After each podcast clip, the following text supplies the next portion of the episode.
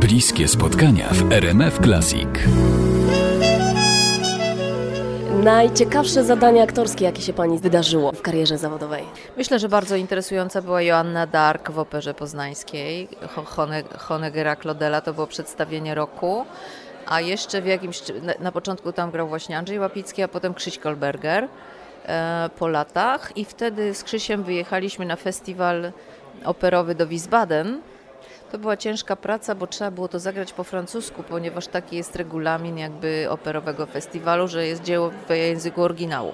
No to też była przygoda, ale bardzo fajna, bardzo miło to wspominam. Więc myślę, że to było ciekawe doświadczenie i jednak z baletami, chórami, chórem, z kanałem pełnym instrumentów, prawda? No trzeba, ten ekspres jedzie, nie można tam się pójść w kulisę, dowiedzieć się, wrócić. Nie, bo już pojechał, tak? Światła tylne widać. Więc te, a poza tym to piękne przedstawienie było.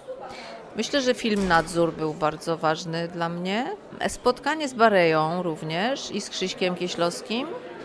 Ja lubię też moje ostatnie przedstawienia, znaczy Więź Rony Munro z Agnieszką Grochowską, reżyserował Brzoza.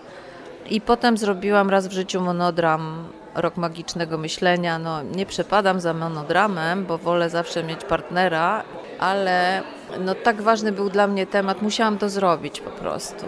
Musiałam się z tym zmierzyć i dobrze to zrobiło, dobrze, że to zrobiłam.